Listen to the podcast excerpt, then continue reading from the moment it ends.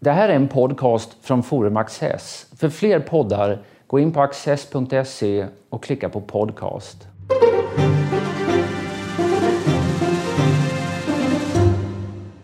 Välkomna till Studio Access. Eh, idag har jag glädjen att ha som gäst Mauricio Rojas som är docent i ekonomisk historia, bosatt i Santiago i Chile. Varmt välkommen Mauricio. Tack så mycket. Tack. Ehm, vi ska komma till Chile också vad det lider, eh, tror jag nog. Men vi, när vi ska tala Latinamerika som vi ska göra, då måste man idag börja i eh, Venezuela. Vad är det för styre som folk nu går ut man ur hus och demonstrerar emot? Nicolás Maduro, vad, vad är det för sorts styre han utövar? Det är en diktatur utan tvekan. Diktatur baserad numera på militären. Det är de som så att säga håller eh, regeringen vid liv. Sen finns det en hel del folk som eh, de kallas för kollektivos. Det är så att säga chavismens eh, hårda kärna på de folkliga områden. De, de, de behärskar så att säga, olika områden, de är beväpnade. Det är de som tar till våld så att säga, om, det, om, om det händer någonting. Men de har minskat i, så att säga, i deras eh, förmåga att hålla under kontroll de här gamla chavistiska fästen. Numera är det den överväldigande majoriteten emot regeringen. Och det är av mycket naturliga skäl. Det finns inte mediciner, det finns inte mat. situationen är verkligen katastrofal. fyra miljoner har lämnat eh, Venezuela. Jag som bor i Chile, det är fler och fler från Venezuela som kommer dit. Eh, över 200 000 numera. Det, det, det, fanns, det fanns några tusentals för tre, fyra år sedan bara. Så det, det, är en, det är en fruktansvärd katastrof. Hur, hur, går det för dem när de kommer till Chile? Liksom får de slå sig ner där och börja yrkesverksamhet och, och, så? Eller? Det gör de. De utnyttjar alla möjligheter som en invandrare gör. De kör taxi, eller de kör Uber eller Cabify eller allt möjligt. Och de, och de är ganska välutbildade faktiskt. Jag kollade på deras utbildningsnivå. Det ligger långt eh, över den chilenska, eh, det chilenska genomsnittet. Eh. Så det, det, det är en invandring som kommer att vara mycket bra för Chile. De kommer att antagligen få mycket framgång där. Men det är en tragedi att se det. Samtidigt slår det lite mot den chilenska medelklassen. när Man åker taxi Santiago med en från Venezuela, eller en från Chile också berättar han att oh, jag, jag förlorade mitt jobb för att det kom en från Venezuela som eh, var jätteduktig och hade såna utbildningar och kostade hälften ungefär. Så. Så det visst, det finns alltid de där effekterna men globalt sett för hela den chilenska... Vad berättar de för historier inifrån Venezuela? Det, det, fruktansvärda historier. Osäkerheten framför allt, att inte kunna gå på gatan. Att eh, det, det, det, det, det, mordkvoten som man kallar det, det är hur många mord för 100 000 invånare ligger idag på den högsta nivån i hela världen. Det är det farligaste i Latinamerika. Och det är mycket att säga om man jämför med Mexiko och Brasilien givetvis. Det är inte så att säga eh, eh långt, långt utöver det som är det chilenska genomsnittet. Är något annat. Så det, och bristen på, på mat, på allt. När jag var där 2015 var det senaste gången, eh, då, då var det medicinen. För, för medelklassen. För de som normalt sett eh, klarar de där sakerna som var eh, ett jättestort eh, brist av. Man kan tänka sig mer, mer folkligt. Och man läste i morse att det, nästan 80 procent av barnen i Venezuela har idag, eller uppskattas ha någon slags undernäring och blir kortare än vad de kunde bli. Och så det, det vill säga att det är en katastrof som, utan like i Latinamerikas historia faktiskt. Maduro är en diktator, säger du. Är det en totalitär diktatur? Hur ser det icke politiskt kontrollerade Venezuela ut? Finns det något sånt kvar? Ja, visst. Och de går ut och demonstrerar och det finns tidningar fortfarande. Eh, eh Maduro och eh, regeringen har tagit det mesta. Men de har lämnat eh, fortfarande en, en, en del. Den nya presidenten, den, eh, Juan Guaidó, han, han, han, är där, han, han, kommer ut och pratar och så vidare. Så man kan inte, det, det är inte som Sovjetunionen var på 60 eller 70-talet eller under Stalin. Det är inte Nazityskland vi pratar om, det är något annat. Och, och det är viktigt för att det, det här regimen bygger på att det är demokratiskt. demokratiskt val och att den håller demokratin vid liv. Så det finns ett behov i den, i den, i den berättelsen som de bygger eh, deras legitimitet på. Att hålla den här. Den dagen de går över alltihopa och det finns inga tidningar eller i, i, alla sitter i fängelse, de som, som står emot regeringen. Då, då, då faller hela berättelsen om, om, om regimens legitimitet. Och det har en betydelse faktiskt.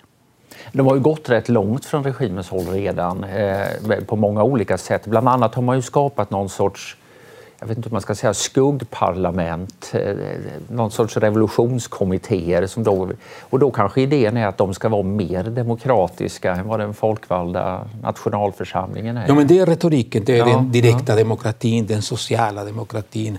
Det finns i Venezuela finns ju att fem makter, inte tre som vanligt. Utan det finns det poder populär, folklig makt och det finns också något som heter eh, valmakten eller något sånt. Och, och, och då kombineras eh, de här formerna där eh, mycket av eh, tyngden ligger på de här församlingar som är kontrollerade av regeringen. Det är så den direkta demokratin, den så kallade direkta demokratin fungerar. En liten elit har makten och gör sig till representant för folket. Och då pratar man i klasstermer. Maduro säger det är det borgerliga parlamentet. Mm. Men vi har det folkliga parlamentet. Det, det här känner vi till från den borgerliga demokratin. Det är en fars och det finns ett folk som, som inte kommer till tals där.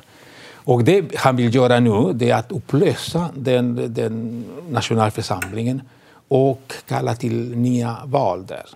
När det som alla kräver är att presidenten ska väljas igen i demokratiska, i rättvisa val. Det, det vill han inte göra. Han, han skulle förlora mycket stort. Och, eh, så, så, situationen är ganska låst. Det beror helt enkelt på militärerna, mm. vad, vad de gör. Men om han skulle förlora ett presidentval mycket stort, skulle han inte förlora ett parlamentsval mycket stort också då?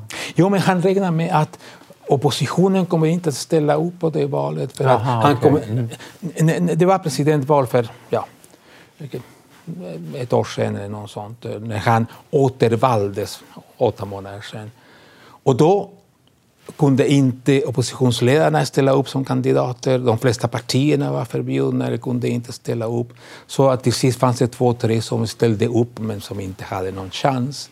Och då drog sig hela oppositionen ur. Det, det, ungefär som, som de val vi hade i den, den, den tyska kommunistiska republiken. Det, där, det fanns också ett bondeparti och det fanns några partier till men där det fanns ingen opposition på riktigt. Så, så, så de vet att om, om, om de gör det omöjligt för oppositionen, då kommer de att vinna valet för att de kommer inte att ha någon opposition.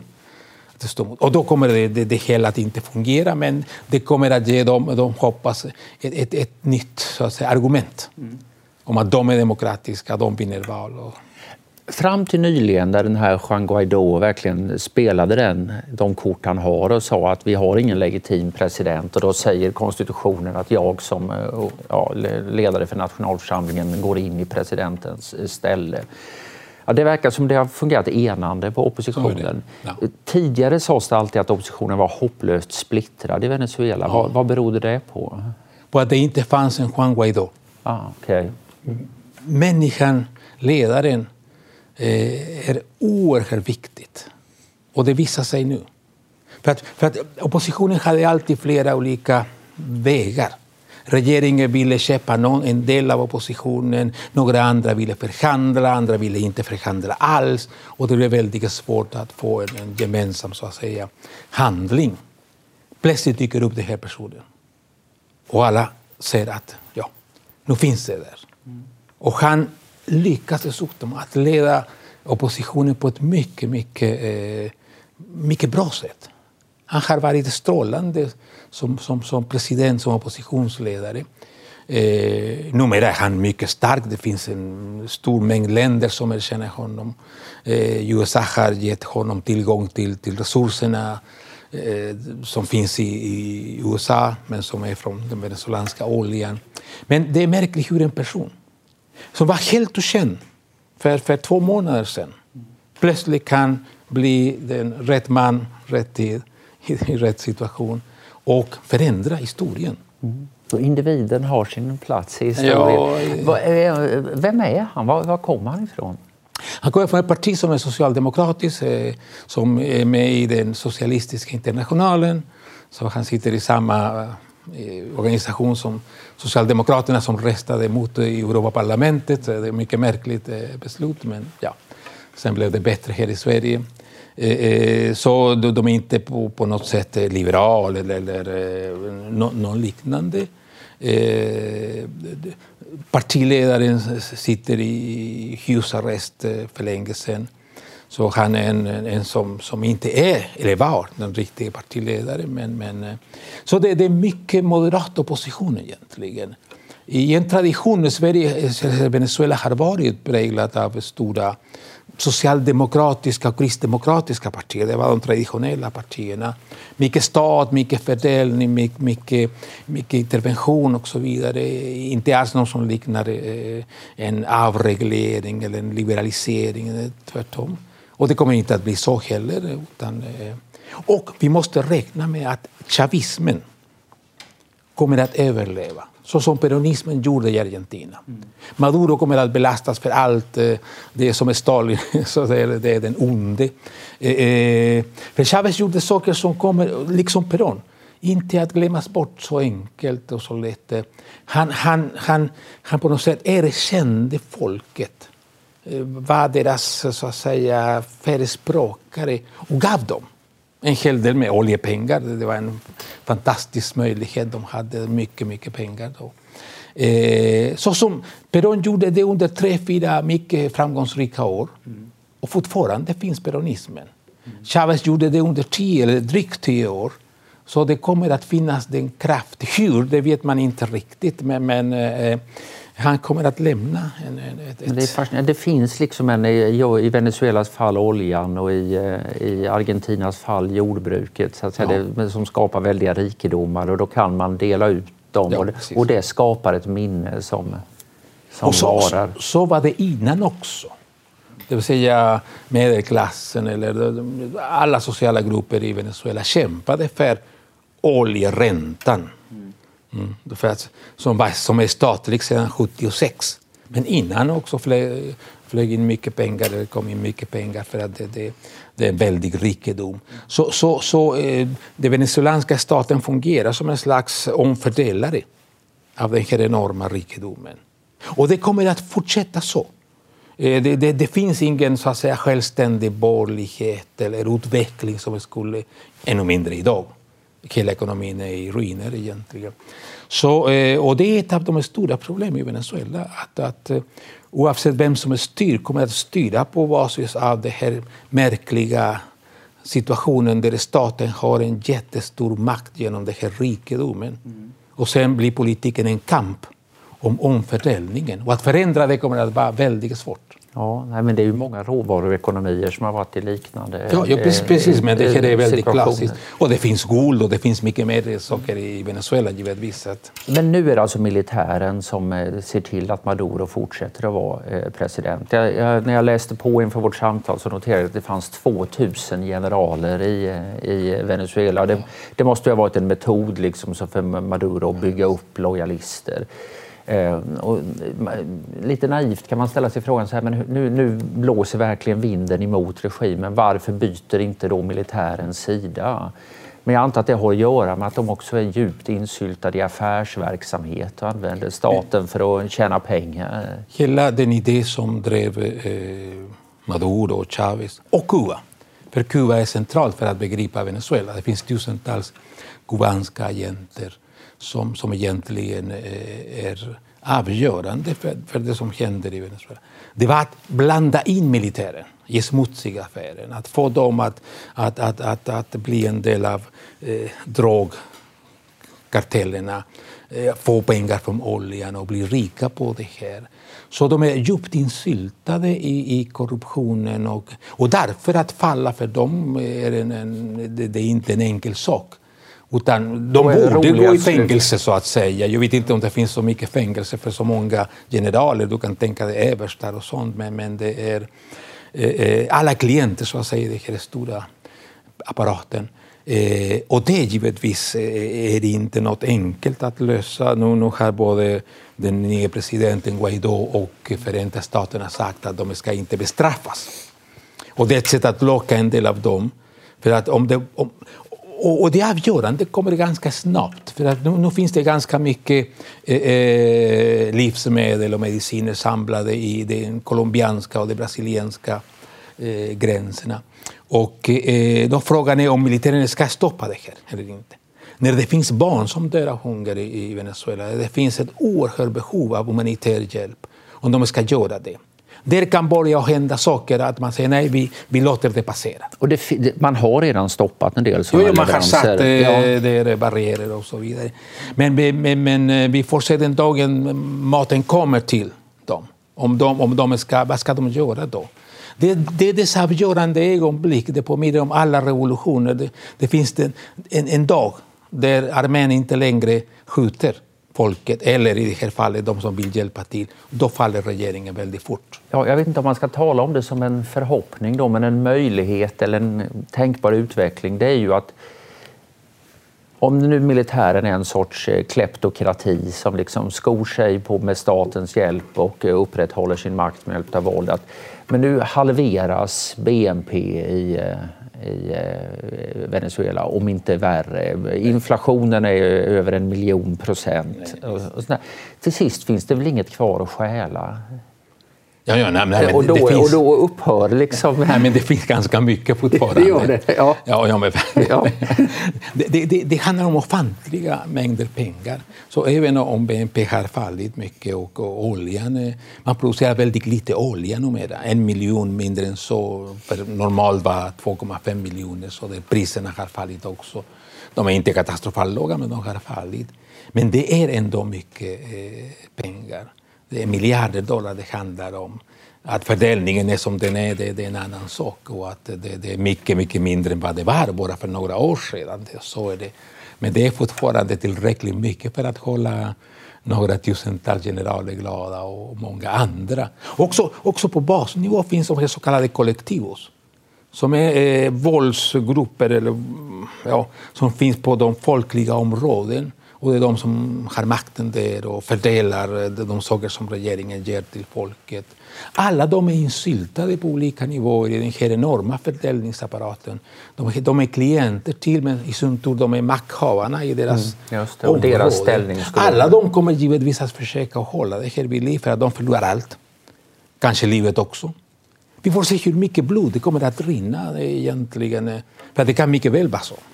För det talas nu i rapporteringen om att, liksom, eh, ja, du, du nämnde ju kubaner, att det finns ja. eh, kubanska säkerhetsstyrkor där. Eh, och, eh, eh, nu rapporteras det om rysk trupp, att ryska alltså legosoldater i realiteten från privata ryska säkerhetsföretag har flugits in till Venezuela. Hur stor roll spelar det här utländska närvaron för att upprätthålla regimen? Det är avgörande och det kommer att vara viktigare och viktigare. Här är det eh, Ryssland mycket aggressivt, Turkiet, Iran, eh, eh, Kina. Alla diktaturer nu samlas bakom Maduro och oljan. Maduro spelar ingen roll egentligen. Kuba är i det avseendet en viktig aktör, men de här är mycket viktigare. Hur mycket de är beredda att satsa på Maduro? Hur mycket de är beredda på att finansiera den här under en lång tid, som kineserna har varit faktiskt. Mm. Fast man säger att de är missnöjda för att man får inte pengarna tillbaka och så vidare. Eh, det är en fråga som kommer att avgöra mycket. Är det oljan eller är det diktatorernas rädsla för att se en diktatorskollega falla och bli avsatt? Oljan. Det är det? Ja, visst. Oljan och guld och mycket annat. Det är pengarna. Vi, vi, vi, vi, vi pratar med de rikaste länderna i världen.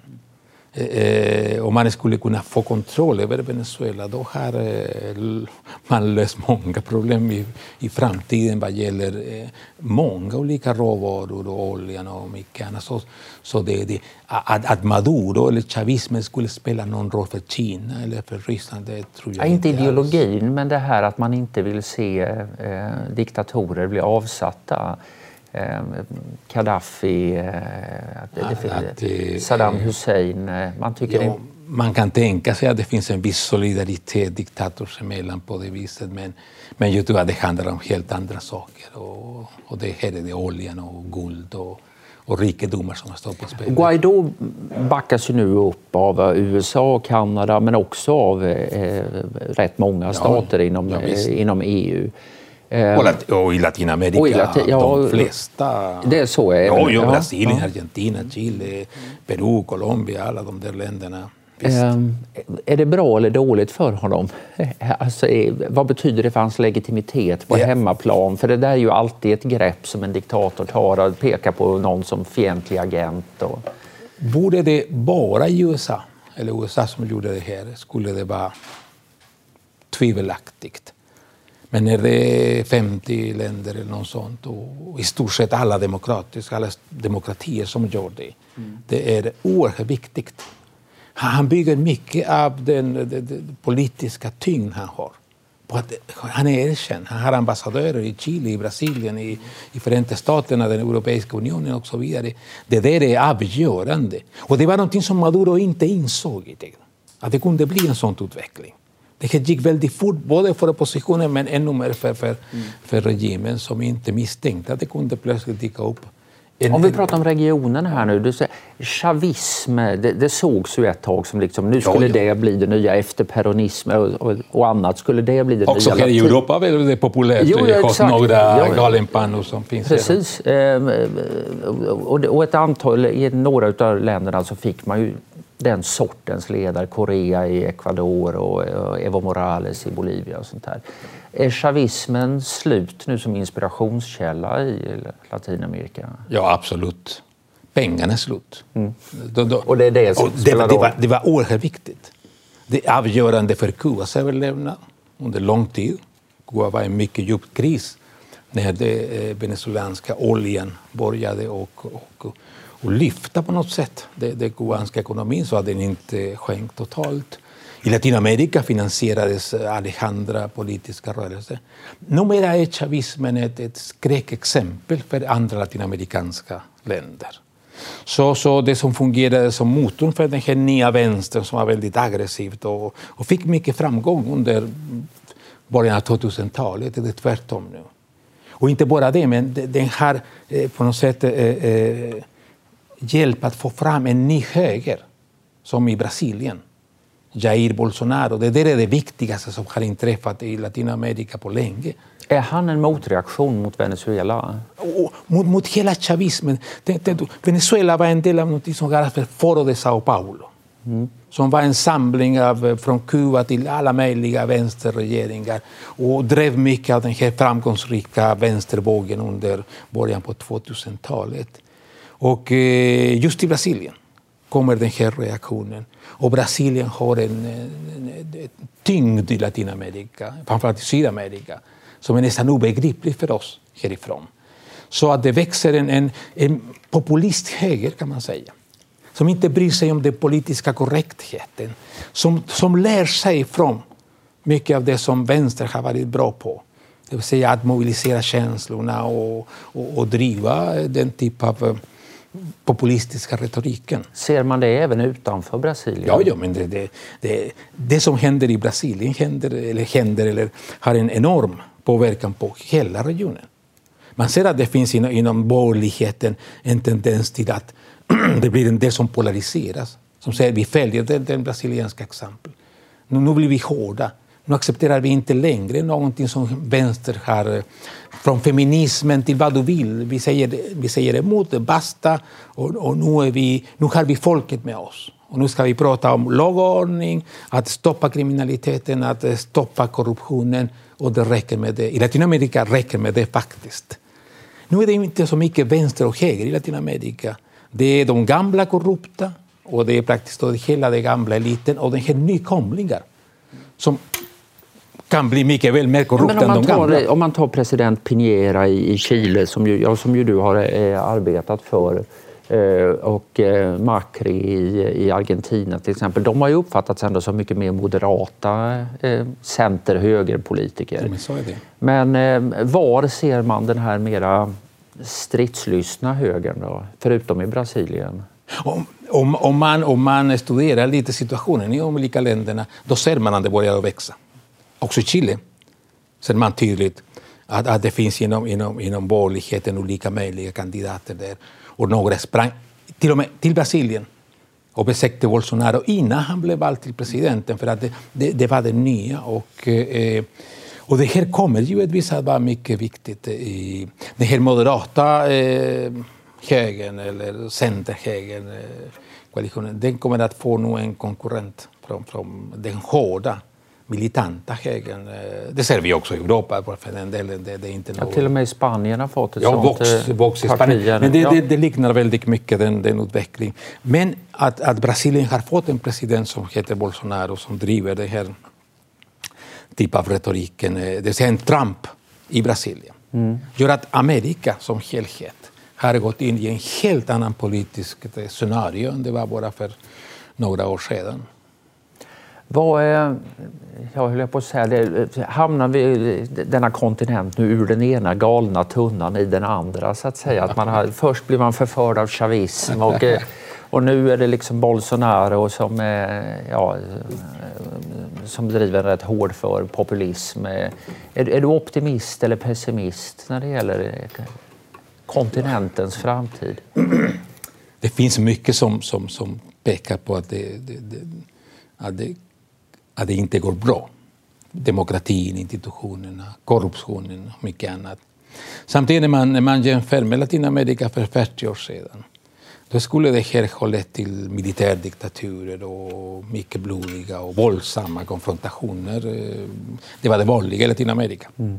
Numera håller man sig inom ramarna för en viss demokratisk ordning och eh, de, de, de korrupta går till fängelse faktiskt och inte bara sitter där och styr regeringarna. Lula sitter i fängelse, Kristina Kirchner kommer att sitta i fängelse och ja, man kan fortsätta med nästan alla presidenter. det, finns, det, det är märkligt. Men, men så på det viset är det en framgång. Men det är klart att eh, den institutionella eh, rotenheten i Latinamerika. Inte Chile, inte Uruguay, inte Costa Rica kanske, det finns undantag, men, men eh, överallt annat är det, det, det, det djupt eh, oroväckande. Och det kan sluta hur som helst.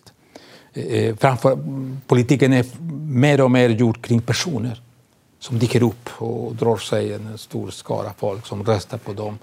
Eh, I El Salvador var val för två veckor sedan och det var en person som mycket ung, eh, muslim antagligen, ingen vet riktigt om han är muslim eller kristen. Eh, och han, han var med i, i vänsterrörelsen, men de ville inte ha honom som presidentkandidat så han hoppade till ett högerparti som är genomkorrupt och symbol för korruptionen. Men han vann genom att säga att han skulle råda bot på korruptionen och, och han vinner stort mm. i första gången. Så, så, så det, det här kallar jag för lotteriets tid. Ja. Det är ungefär så det ligger till. I, I lotteriets tid. Ja. I denna tid slutar vi detta program. tack så hemskt mycket Mauricio mycket, för att du har varit med oss. Tack, tack.